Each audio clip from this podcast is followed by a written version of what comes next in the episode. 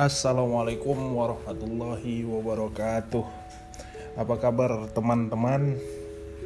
Uh, di episode pertama ini, aku akan coba bahas masalah yang cukup rame di Indonesia, bahkan hampir di seluruh dunia mengalami hal yang sama seperti di negara kita. Wabah pandemi virus corona.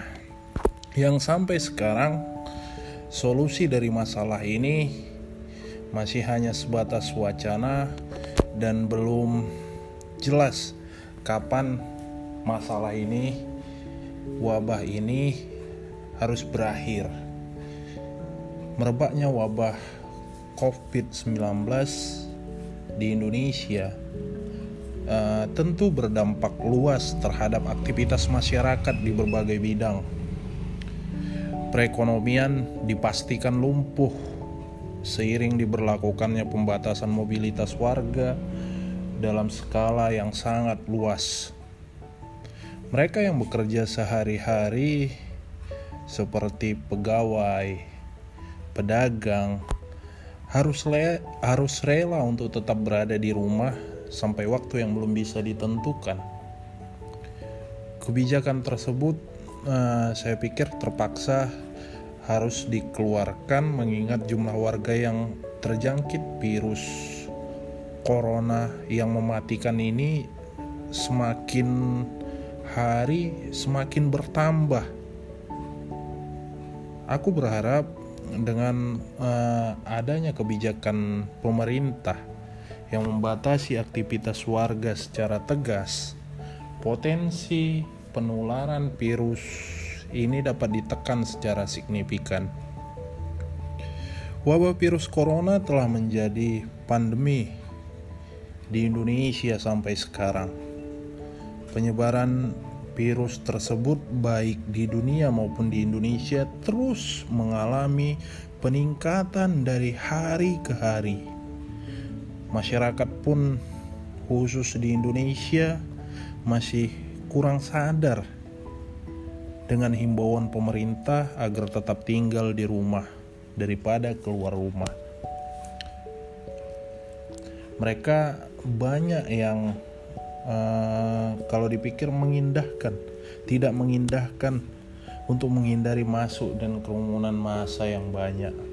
Nah, di episode pertama ini aku akan coba bahas bahwa rumah punya peran penting, punya faktor penting untuk mendewasakan kita, untuk membuat kita menerima apa adanya dan belajar dari kondisi yang uh, terjadi pada saat sekarang. Apa yang bisa kita lakukan dalam memutus rantai penyebaran virus ini? Ya, tentu jawabannya adalah kalian tetap tinggal di rumah langkah kecil tapi berdampak besar buat perubahan itu.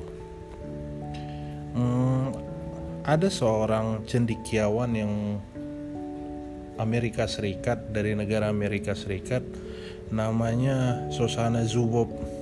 Dia pernah menulis tentang rumah. Katanya rumah adalah tempat di mana kita bisa mengetahui dan diketahui mencintai dan dicintai. Rumah adalah kemampuan penguasaan, kehangatan, percakapan, kerapatan pergaulan, kedamaian, pesanggrahan, ruang berkembang, berlindung, dan tempat berpengharapan. Cukup besar harapan Zubob terhadap rumah tersebut. Rumah yang kita tahu bukan hanya tempat berteduh dari hujan dan trik panasnya matahari. Tapi jauh dari itu, rumah adalah tempat sekaligus ruang di mana kita diterima utuh sebagai manusia. Ada dialog di dalamnya, ada empati, ada simpati, dan tentu saja semuanya terangkum menjadi cinta. Itulah rumah sejati rumah yang paling ideal yang tidak hanya menjadi tempat pertemuan tubuh tetapi juga ruang perjumpaan hati. Dulu, sejak era revolusi industri, kualitas rumah terus meredup dan memudar dirampas kebutuhan mesin korporasi. Serta ada juga dorongan kapitalisme di dalamnya.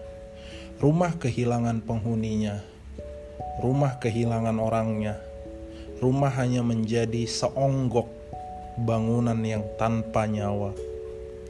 Semakin banyak dan terus berlipat ganda, manusia terus menghabiskan waktu di pusat-pusat kapitalisme dan keramaian.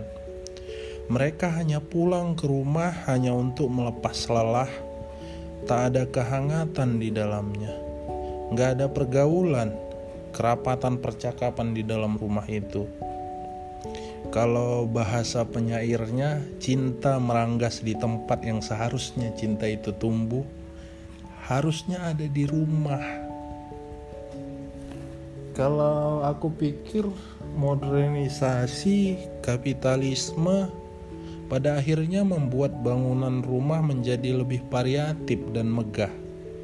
Namun satu sisi di dalam rumah yang megah itu tadi ternyata banyak manusia modern justru asing dari dirinya sendiri uh, kurang menemukan mata air kebahagiaan.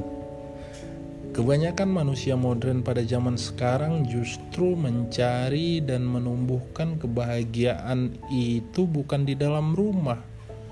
Banyak mereka yang mencari kebahagiaan di tempat-tempat hiburan, berwisata di luar rumah, nongkrong berjam-jam di kedai-kedai kopi, berselancar dan bercengkrama di media sosial internet atau hanyut dengan asmara wanita pria idaman lain. Bukan di rumah itu mereka dapatkan. Kalau begini keadaannya bagaimana manusia modern itu menemukan kebahagiaan sulit Manusia modern umumnya mencari kebahagiaan dengan cara melupakan tempat yang seharus men, yang seharusnya menjadi sumber kebahagiaan yang mereka itu ada di rumah. Saya ulang ya. Biar cukup jelas. Manusia modern umumnya mencari kebahagiaan dengan cara melupakan tempat yang seharusnya menjadi sumber kebahagiaan mereka itu ada di rumah Kebahagiaan di rumah tidak diukur dari seberapa besar rumah yang kita miliki. Melalui data kemarin yang saya lihat di eh, penelitian sosial isu yang dikeluarkan dari negara London dari hampir 1300 pemilik rumah mengenai apa yang mereka buat bahagia di rumah Didapatkan definisi populer dari rumah tersebut adalah di mana mereka merasa aman, tempat bersantai, tempat menjadi diri sendiri. Jadi bukan seberapa besar, seberapa mewah rumah yang kita miliki. Kebahagiaan itu justru tergantung dari kenyamanan serta keadaan yang dihadirkan di dalam rumah tersebut. Ada keluarga yang membuat kita nyaman. Sebesar apa pun rumah yang kita miliki, tapi tidak ada kedamaian di dalamnya, kita hanya akan merasa tertekan dan asing di dalam rumah itu tadi. Rumahlah yang menjadi tempat kita pulang. Rumah tidak lagi menjadi sebuah benda seonggok semata, tapi ikut hidup seiring dengan kehidupan yang terjadi di dalamnya. Kehangatan hubungan antara anggota keluarga, antara suami dengan istri, suami dengan anak, istri dengan anak, dan seterusnya. Perasaan saling percaya dan melindungi di dalam keluarga menjadi nyawa bagi rumah kita karena itu, sejauh apa pun kita pergi, akan selalu ada kerinduan untuk kembali ke, ke rumah. Pandemi corona hadir untuk menghentak kesadaran kita manusia agar pulang. kembali ke rumah, bertemu kembali cinta yang diabaikan. Pulanglah kita ke rumah, bernabailah dengan rumah. Kita sapa istri kita, anak kita, orang tua kita, adik-adik, kakak-kakak kita, dan seterusnya. Dengarkan cerita dari mereka, jadilah pembicara yang baik, penutur yang baik, sapa dan dengarkan diri kita sendiri, orang lain. Rumah itu akan terasa hangat. Uh, corona mengirim pesan agar kita tidak terpukau dengan apa yang ada di luar sana, tetapi kita lebih menghargai apa yang ada di dalam rumah. Ada kalanya yang di luar tampak lebih indah, tampak lebih menarik, tetapi yang di dalam jauh lebih berharga. Rumput tetangga yang tampak lebih hijau katanya hanyalah sebuah halusinasi kalau saya pikir. Corona menuntun kita manusia untuk lebih menghargai rumah, menumbuhkan cinta di dalamnya. Rumah adalah titik nol, tempat uh, semua keajaiban dimulai. Jadi dari apa yang aku sampaikan tadi di atas, aku mengajak kalian semua, ayo kita berdiam diri di rumah dan kita temukan kembali diri kita yang hilang. Kalau dalam Islam Nabi Muhammad pernah menyampaikan bersabda, "Rumahku adalah surgaku."